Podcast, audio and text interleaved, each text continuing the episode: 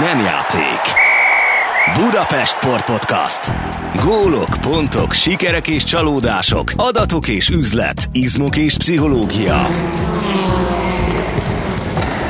Aki a budapesti, a hazai és a globális sportról, sportolókról és trendekről mindent tudni akar, annak nem játék. Budapest Sport Podcast.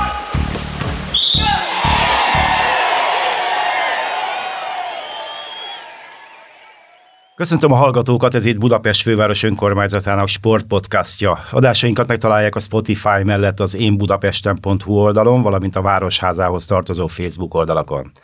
Én Bruckner Gábor vagyok, vendégem pedig Török László, a sportrádiózás legendás alakja, aki riporteri pályafutása során öt nyári és öt téli olimpiáról tudósított, miközben 13-szor élhette át azt az érzést, hogy ő kiáltja először a mikrofonba egy magyar sportoló sikere kapcsán, hogy olimpiai bajnok.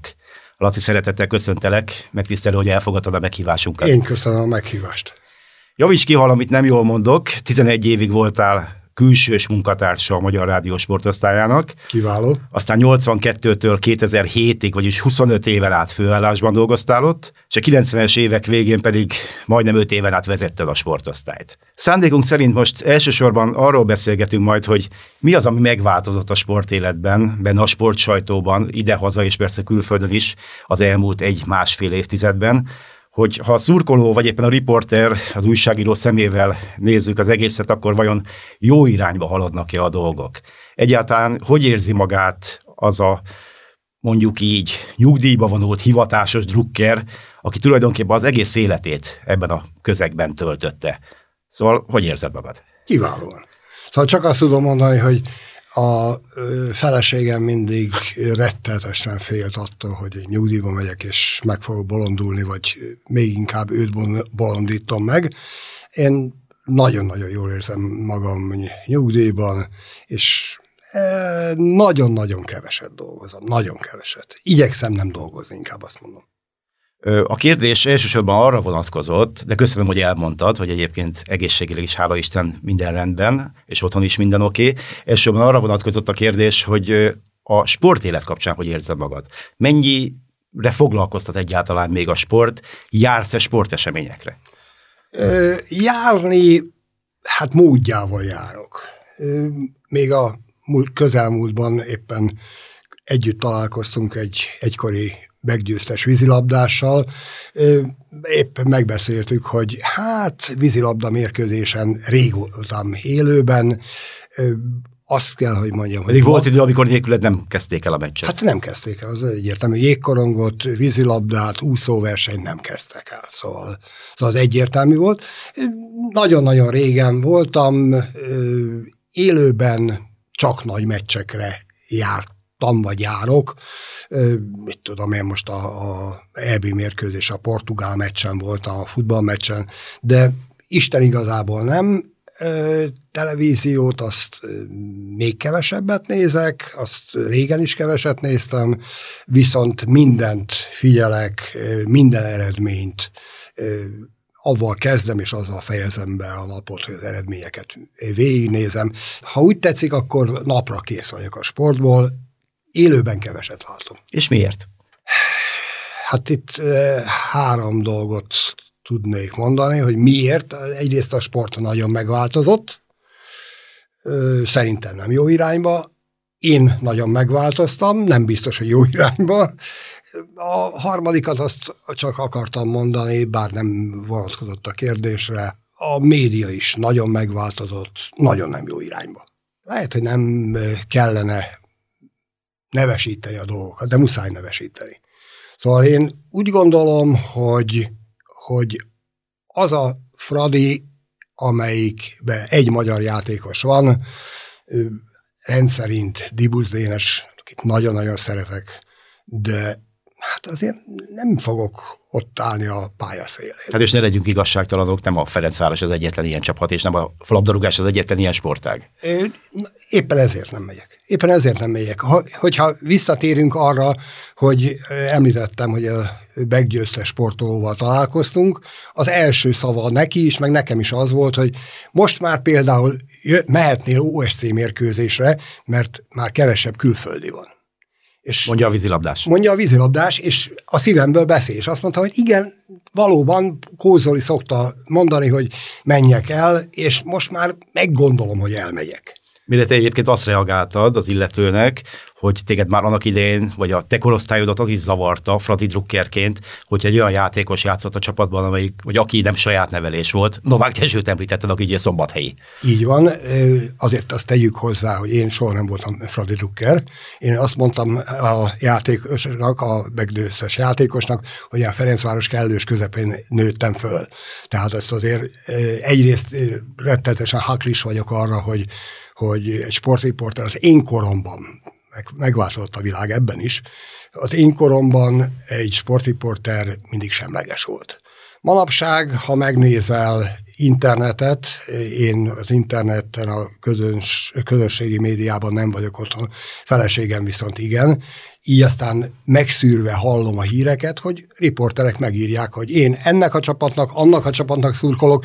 Hát én azt meg kell, hogy mondjam, holnaptól nem alkalmazom. Ismerek én a te korosztályodból is, és közös jó barátunk volt, sajnos már nem él, igen, igen neves sportriporter volt, aki elkötelezett szurkolója volt az egyik fővárosi csapatnak. Ebben igazad tudod, kiről beszélek? Én tudom, kiről beszél, de soha nem mondta, hogy ő melyik csapatnak szurkol. Soha nem mondta. Említetted már, hogy a sport kevésbé érdekel, kevésbé foglalkoztat, pontosabban érdekel, de rossz irányba haladnak a dolgok szerinted, mindjárt beszélünk erről egy kicsit bővebben is. Viszont gyakran szóba hozod a magánbeszélgetéseinkbe, hogy nagyon nem is bánod, hogy már nem dolgozol ebben a közegben, nem közvetítesz, nem csinálsz interjúkat. Miért nem? Mármint miért nem bánod? Te nagyon egyszerű. Te a múltkorjában rábeszéltél egy olyan munkára, ami viszonylag hosszú időt vett igénybe, tehát mit tudom én, egy három évet, egy évet. Mondjuk egy könyvírásról egy volt könyvírásra, ami nagyon-nagyon élveztem, de az első pillanatom az volt, te nagyon kell, hogy emlékezz rá, hogy azt mondtam, hogy nekem nagyon kellemetlen az, hogy elmegyek sportolókhoz, és azt mondom, hogy jó napot kívánok, Török László vagyok, én hajdanában a rádióban dolgoztam, te már nem emlékszel rám, de én ha, hadd mondjam azt, hogy nem akarok bemutatkozni. Nem akarom elmondani azt, hogy, hogy én egyébként hajdanában értettem a sporthoz, most már nem biztos, hogy értek, és így tovább. Ez, ez nekem, ez zseníroz. Na, maradjunk annyiban. Nekem még az is nagyon-nagyon nagy meglepő, meglepetés volt, és nagyon kellemes meglepetés volt, pedig hogyha már mondtad, hogy könyvírásról volt szó, kellett egy interjút készíteni Varga Dénessel, aki amikor én közvetítettem, akkor ő fiatal játékos volt, abban sem voltam egészen biztos, hogy, hogy ő emlékszik még rám. És nagyon kellemes meglepetés volt, hogy amikor fölhívtam, akkor ő kapásból emlékezett. Tehát másokkal meg pláne nem gondolom azt, vagy hogy, hogy, hogy én megtalálom velük a, a közös hangot, ami még egyszer mondom, nem biztos, hogy az ő hibájuk, hanem az én hibám is lehet. Hát a közös hangról, meg a közeg megváltozásáról volt szó. Akkor hadd mondjam el az egy kedvenc példámat, hogy a hajdanán a kettős meccsek, válogatott futballmeccsek előtt a Népstadion szoborkertjében melegítő játékosokat akár meg is szólíthatták a tribűre igyekvő drukkerek. Nem volt ritka, hogy egy-egy népszerűbb csapat edzésein annyian voltak a pályaszélén, mint most magukon a mérkőzéseken. De mondok mást. A 90-es években a Fradi női kézilabda csapatának játékosai rendszeresen együtt bulisztak a szurkolókkal. Vagy amikor együtt voltunk Bolzánóban valamikor szintén a 90-es években az akkori bajnok Jászberény jégkorongozóival bajnokok ligája selejtezőn, a csapat egyik ukrán játékosa a szállásán kereste fel a magyar újságírók csapatát, hogy csak hogy dumáljunk egy kicsit. Hát nyilván sok oka van, de ma az ilyesmi már elképzelhetetlen. Akkor menjünk még vissza az időben. Amikor én elkezdtem a körkapcsolásra járni, akkor mi a pályaszélén közelítettünk. Annál nem, nem, nem tudok szót mondani rá, hogy felemelő bérzés, mint hogy a pálya szélén ott vagy, amikor te részese vagy a mérkőzésnek. Tudod abban a pillanatban, amikor belép a hátvéd a csatának, hogy a bunda meccs vagy nem bunda meccs. Hogy azt mondja, hogy a és káromkodik egyet, vagy nem, hogy liheg, vagy nem liheg. Amikor lejött a pályáról, most azt mondom, Nyilasi Tibor, akkor nem az interjúszobában egy órával a mérkőzés után azt ö, a kérdést tettem föl Kaku Jenőnek, hogy milyen érzés a mérkőzésen belerúgni a labdába, hanem lejött Nyilasi Tibi, átöleltem, és odahoztam a mikrofon elé, és mondtam, hogy Tibikém, azt a gólt valami fantasztikusan lőtted be, és ő elmondta. Nem volt vita, hogy, hogy, hogy nyilatkozik, vagy nem nyilatkozik. Én kezdőkoromban voltam először Tatabányán. Lakat Károly volt az edző. És be kellett kopogni az öltözőbe, hogy Karcsi bácsi ide adná az összeállítást. És kirúgott a pokolba, mondta, hogy taktikai megbeszélés van, gyere öt perc múlva. És akkor álltam a tatabányai öltözőre, kijött, és elkezdte mondani, hogy igen, a kapus éppen, nem tudom, gelei volt talán, de lehet, hogy rosszat mondok, és így tovább, és így tovább a játékosokat sorolta. Ez, ez fantasztikus dolog volt, hogy az edzővel a meccs előtt lehetett beszélni. Megkérdeztem Ilovszki Rudolfot, hogy Rudi bácsi, milyen meccs lesz ez? Na most ezek, ezek elképzelhetetlenek. Ezek elképzelhetetlenek. Tudom, hogy annak idején nagyon sokat morogtak elsősorban a technikusok, de magamat is mondhatom, hogy bőrigáztam a pálya szélén. Na de annál csodálatosabb, mint hogy ott látod, hogy benne vagy a meccsbe, hogy mindenkivel beszélsz. Hát ezek, ezek azért fantasztikus dolgok, mert két hete voltam Fehérváron. Distel Petivel húsz éve nem találkoztam. Én beszéltem valakivel, hogy mondom, gyerekek, már az sem biztos, hogy megismerem Distel Petit. És amikor összefutottunk, megölelt, és, és úgy beszéltünk, mert mi még a pálya szélén találkoztunk, hogy tovább megyek. Diósgyőrben keveset voltam, mert általában helyi tudósító volt, szép emlékű Horváth Kálmán például a tudósító a hajlani időkben, a 70-es években, 80-as években. Csak nagyobb mérkőzésekre mentünk. De amikor 35 év után találkoztam Verép Gyurival, akkor megismert, pedig ott álltam, mert, mert ott álltam pálya szélén, tehát tudta 35 év után is, hogy, hogy a török Laci kicsoda, és én tudtam, hogy a Verép Gyuri kicsoda. Szóval, szóval ezek, ezek olyan találkozások, amitől most kirágod a hideg, mert, mert olyan emlékek, hogy valami fantasztikus. Ezek nincsenek. És picit sajnálom a mai újságírókat. Mert azt hiszik, hogy ez a, ez a szakma, hogy beülök a sajtótájékoztatóra, bóbikálok egy kicsit, kérdezek egy hülyeséget, majd ezt követően megírom, amit megírok. Nem ez a szakma. Az a szakma, hogy, hogy, hogy, hogy találkozom, és újból, és beszélgetek valakivel. Az a szakma. Hát és pontosan ide tartozik, hogy egy-egy interjú leszervezéséhez kvázi központi bizottsági engedély. A klubok olyan mértékben izolálják a sportolóikat, gyakran előre kérik a kérdéseket, a beszélgetéseken a klubok sajtófónökai ott ülnek és fülelnek, majd aztán még ellenőrzésebe is kérik az elkészült írásokat, vagy riportokat, hogy a világversenyeken lényegében a mix zónákra, az úgynevezett vegyes zónákra korlátozódik az újságírók tevékenysége, ott kapnak két-három percet, ami hát viszonylag kevéssé nevezhető intim környezetnek, és legfeljebb közhelyes sematikus kérdések feltételére ad lehetőséget. Persze mondhatják erre, hogy, hogy ez legyen a sajtó nyűge, oldja meg valahogy, csak hogy én azt gondolom, hogy ennél azért lényegesen többről van szó, hiszen maga a nyilvánosság sérül, az értékes színvonalas riportok ennek megfelelően szinte eltűntek, aminek végső soron maga a sport, illetve a sportkedvelők isszák meg a levét, hiszen képtelenség közel hozni a szurkolókhoz, a sportkedvelőkhoz, a főszereplőket, a versenyzőket, a játékosokat, az edzőket.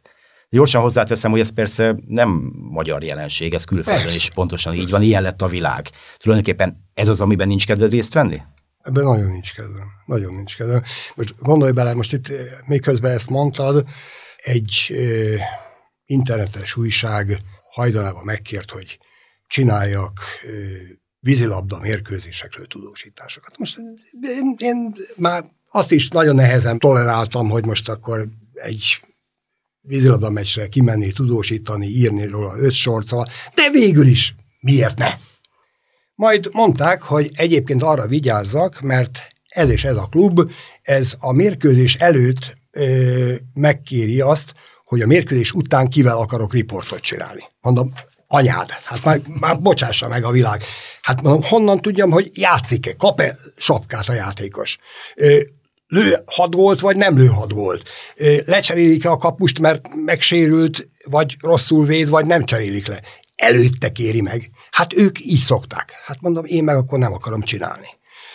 Tehát, tehát ezek, ezek, ezek olyan dolgok, mindig eszembe jut, ha már vízilabdát mondtam.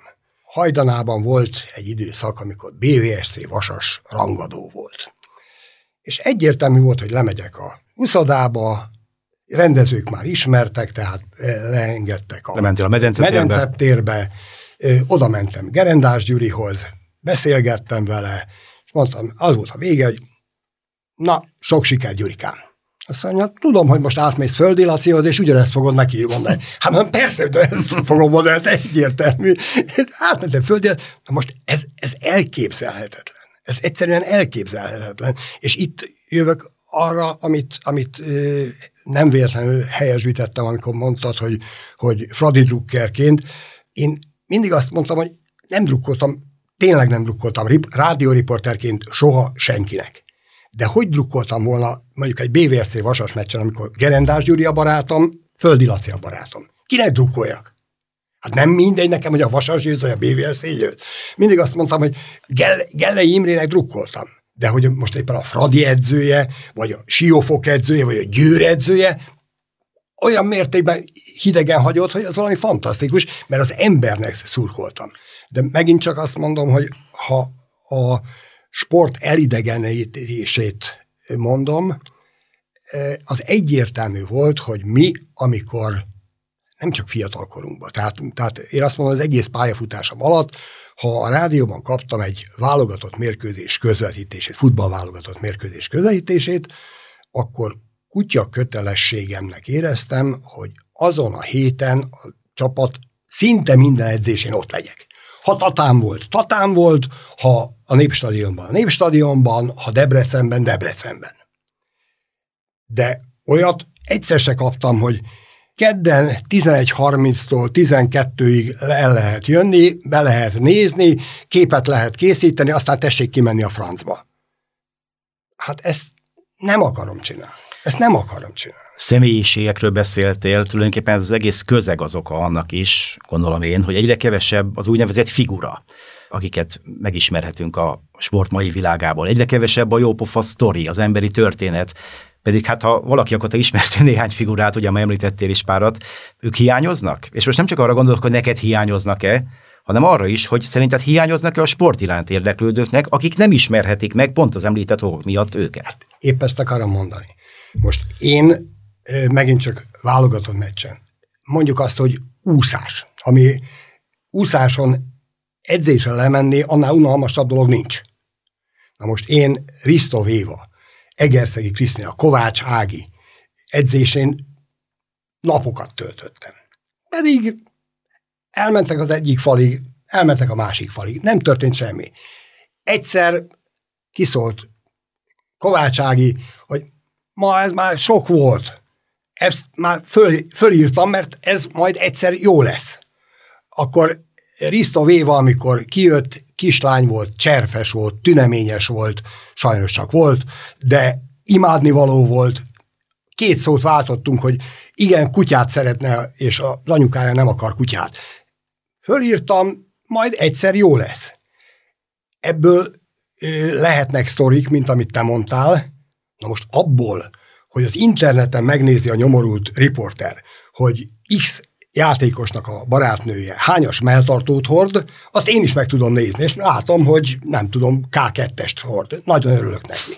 A klubok azzal érvelnek, hogy ők azért tartják burokban a sportolókat, mert mert adott esetben, ha olyasmit mond a sportoló, az edző, akkor ezzel kárt szenved a klubnak az imázsa. Hát én viszont azt mondom, hogy szerintem attól szenved kárt a klubnak az imázsa, hogyha nem ismerhetik meg a sportolóikat, az ő alkalmazottaikat, edzőiket oly mértékben a, a sport iránt érdeklődők, mint ahogy az korábban megtörténhetett, pont amiről az, az előbb beszéltünk. Ebben igazad van, de a klubok védelmében azt azért tegyük hozzá, hogy itt most valamelyik játékos mond egy butaságot, vagy egy meggondolatlanságot a szponzorral kapcsolatban. Az 10 millió forint. Például ez a VAR rendszer Most, hogy már mindent Tehát a videóbíró. újból és újból és újból minden sportágban megnéznek.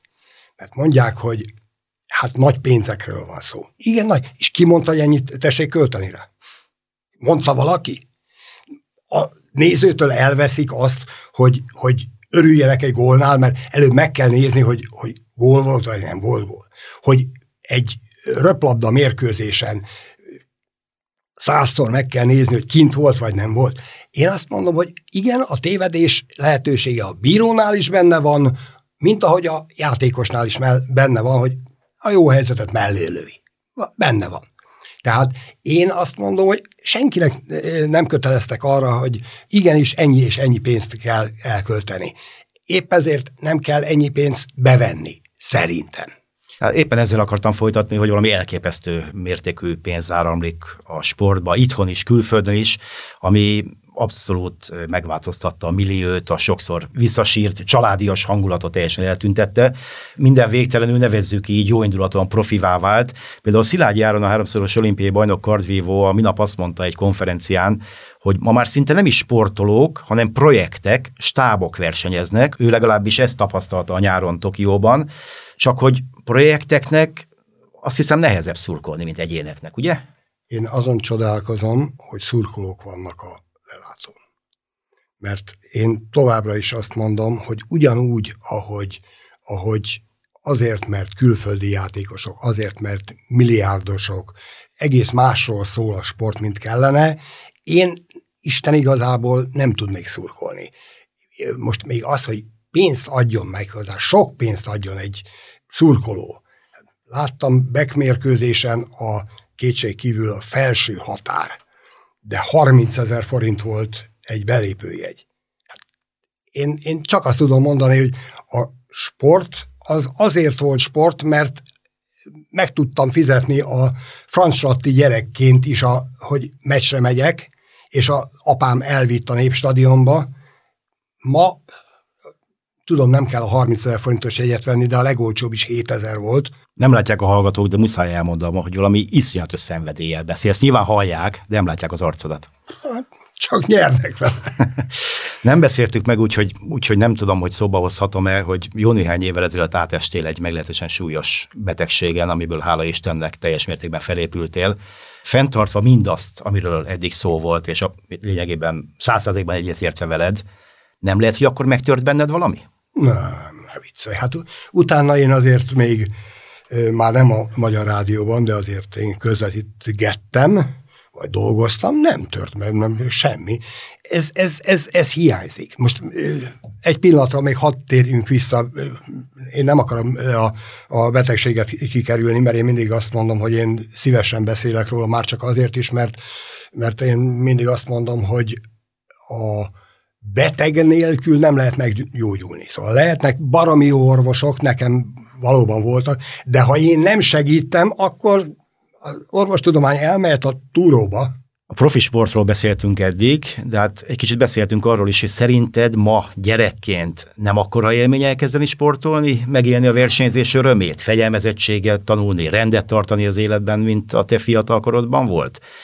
Vagy egyszerűen csak arról van szó, hogy egészen más a világ, és a gyerekeknek ezek között a mostani körülmények között kell helytállniuk, mi a fenét tehetnének, és egyébként meg ugyanolyan jó leső érzéssel izzadnak le az edzésen, meg ugyanúgy örülnek egy-egy gól után, mint ahogy azt mi tettük.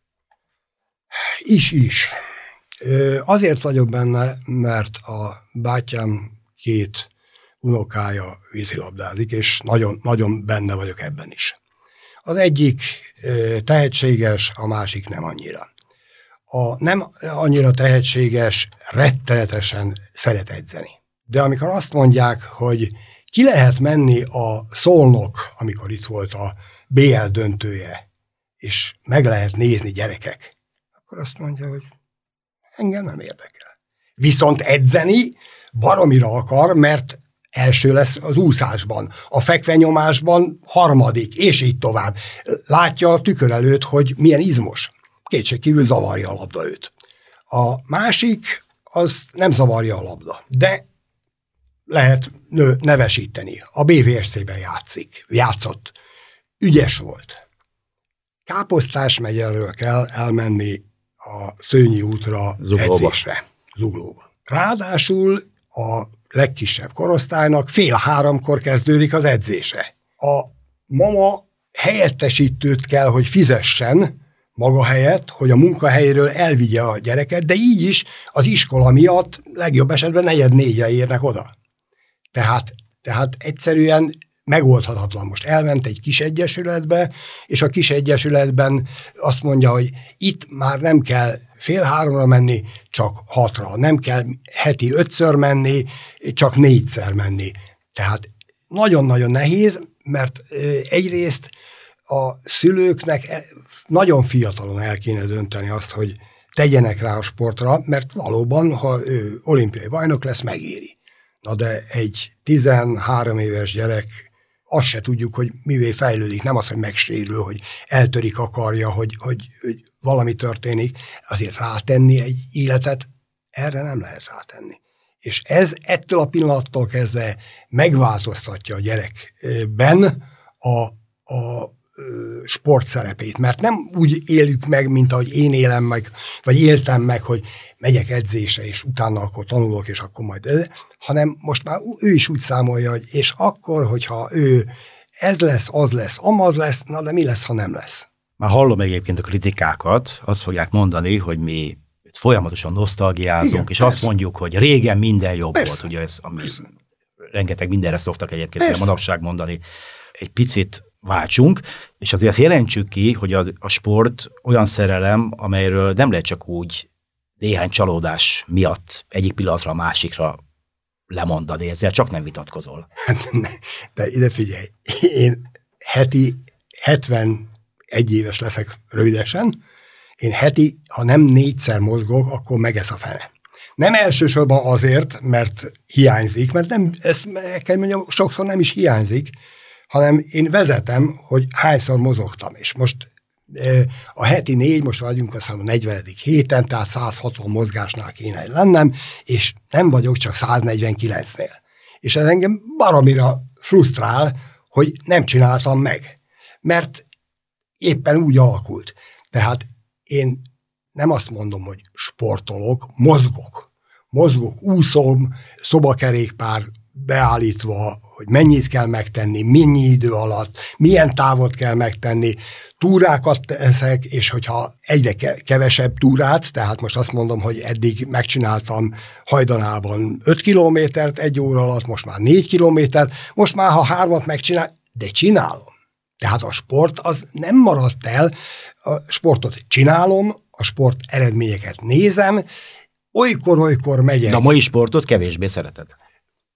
Ennek ellenére nézem az sportot. eredményeket, nézem az eredményeket, az nem valószínű, hogy sokat fogok kijárni. Most voltam Fehérváron a 81-es bajnokcsapatnak, a jégkoron bajnokcsapatnak a évfordulóján. Amelynek korábban technikai vezetője voltál. Igen. Kétségkívül jó volt ezekkel a srácokkal találkozni, jó volt élőben látni a meccset, de már nem kötődöm olyan mértékben ezekhez a srácok, hogy a fenébe kötődnék, amikor ezek közül, akik most Fehérváron játszanak, a Bartalis Pistát és a Hári Janit közvetítettem.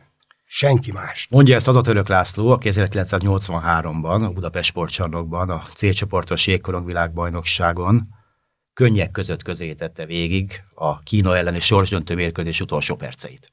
Igen, hát egyértelmű. Jó, hát akkor tudok neked olyat is mondani, hogy ugye a divízió világbajnokságokat a pandémia miatt az utóbbi két évben nem rendezték meg. Ez a, mi ezt B csoportnak hívtuk? B csoport, teljesen mindegy. Tehát a magyar csapat mérkőzéseit. És mondja nekem egy sportágban lévő, a jövő évben Jubjanában lesz a kvázi a Divízió 1-es VB.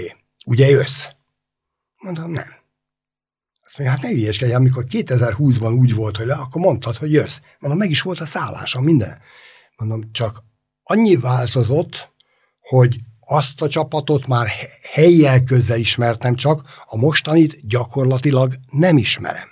A most és számodra csak, fontos a személyes kötődés. Az nagyon fontos, de itt megint azt mondom, most én nevet fogok mondani, ami nem szép tőlem, de nem szeretem azt a csapatot, amelyikbe a két legjobb magyar jégkorongozó, aki Svédországban galló és Finnországban játszó sebők nem hajlandó a válogatottban játszani, én egy vagyont miért fizessek ki? Ha ők megértem, megint a pénz, megértem, hogy nem akarják reszkírozni, hogy eltörik a lába, mint Kógernek a valamelyik világbajnokságon, és utána nem tudott a csapata rendelkezésére állni, neki ez nagyon sok pénz. De nekem is sok pénz. Nem akarok elmenni a világbajnokságra. A sport után beszéljünk egy kicsit a sport újságírói szakmáról. Annyiszor hallottam tőled 30-35 évvel ezelőtt talán, hogy muszáj fölhoznom, hogy számodra alapvetés, hogy a pályakezdő riporter, aki nem ázott még meg legalább 20-szor a Ganzmávak pályán, lehet, hogy keveset mondok, az ne várja el, hogy a neve elhangozzék a tévében, rádióban, végezze csak szépen a háttér meg a kuli munkát, aztán majd amikor tapasztalt eleget, meg kiérdemelte, akkor jöhet a népszerűség. Igen. Hát ma már az a fiatal, aki kis túlzással beesik egy szerkesztőségbe vagy egy tévéstúdióban, néhány nap vagy hét után képernyőre vagy mikrofon elé kerül, meg vezető témáról ír cikket a lapjába. Ezt hogy fogadod? Ennyit változott a világ, vagy egyszerűen csak felhigult minden, az értékrend a béka feneke alatt van, a közönség pedig elfogadja a helyzetet, mert hát mi egyebet tehetne? Hát egyrészt mit tud csinálni? Tehát én... Na te hányszor áztál meg a gazmávak pályán? Nagyon sokat. Nagyon sokat. De hát mondta neked, hogy, hogy én már tapasztalt riporter voltam, amikor mindig megáztam, mert, mert a pálya szélén közelítettünk, tehát... tehát Akkor tekintsük, bocs, ez egy jelképnek. Igen, ez jelkép. Csak Miért kell megázni? Azért, mert akkor tudod a, a finomságokat érzékelni. Most a kérdése válaszolva. Baromira fölhígult. Hát hogy ne hígult volna föl, hajdanában volt egy televízió, egy rádió. Meg volt négy-öt újság. Volt négy-öt újság. Most minden sarkon van egy rádió, minden második sarkon van egy televízió. Egy-egy podcast. Vagy podcast, így van, és így tovább, és így tovább. Ezeket ki kell szolgálni, a podcastokat, a újságokat, a, és tulajdonképpen egy a lényeg, hogy gyorsan, hogy milyen színvonalon, az tök mindegy. Írd meg, hogy XY-nal rendezvúzott, vagy nem rendezvúzott. Hogy nála aludt, vagy nem aludt nála. Az, hogy igaz vagy nem igaz, más kérdés, majd helyes. Holnap megcáfoljuk, még egy, még egy cikk, még egy riport. Erről van szó. Tehát az tök mindegy, de első legyél. Nem lehet, hogy bár jó mondja, Bagoly mondja verébnek, hogy, hogy csak egy kicsit több az ősz hajszál, és az az oka annak, hogy, hogy, hogy ennyit nosztalgiázol, vagy nosztalgiázunk? Épp ezt akartam mondani, hogy úgy megőszültél. Na most komolyan mondom, de hát biztos. Hát, de én olykor nem, nem is, szóval utálom is magam, mert mindig eszembe jut, hogy, hogy amikor azt mondták, hogy bezzeg a mi időnkben, ám mondom, persze. Hogy utáltuk? Utáltuk, persze. Beszéljünk akkor egy kicsit kellemesebb témáról is befejezésül. Azt szokták mondani egy riporter vagy egy újságíró pályájának fokmérőjeként, hogy akad-e legalább egy mondata, egy cikke, amelyet idézni tudnak, ami miatt emlékeznek rá. Hát neked van több ilyen mondatod is, én most csak egyet mondok, Ilyen nincs, és mégis van. Ez ugye Megerszély Krisztina 88-as szőuli győzelmekor hangzott el.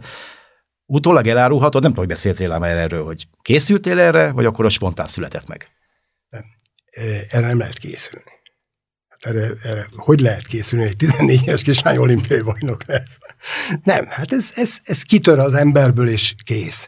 De én sokkal, de ha hiszed, ha nem, sokkal, de sokkal büszkébb vagyok arra, ezt is idézik sokat, hál' Istennek, Darnyi közelítését sokat idézik, és ráadásul a, épp a el, elmúlt héten idézte az egyik vezetőújság, de, de sokkal büszkébb vagyok arra, hogy én abban a csapatban dolgozhattam, ami úgy kezdett, hogy Szepesi György, Novotni Zoltán, Vas István Zoltán, Radnóti László, Molnár Dániel, Deák Horváth Péter és Török László.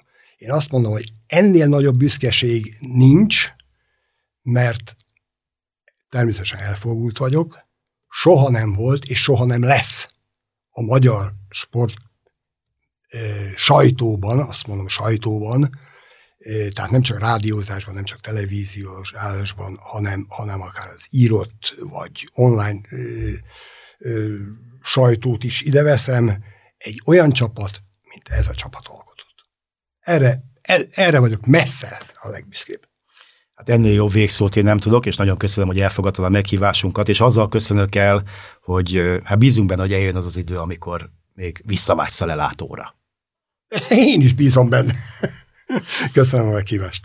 Kedves hallgatóink, Önök Budapest sportos podcastját hallották Török Lászlóval és Bruckner Gáborral. Adásainkat megtalálják a Spotify mellett az én budapesten.hu oldalon, valamint a Városházához tartozó Facebook oldalakon. Köszönöm a figyelmüket, a viszonthalásra.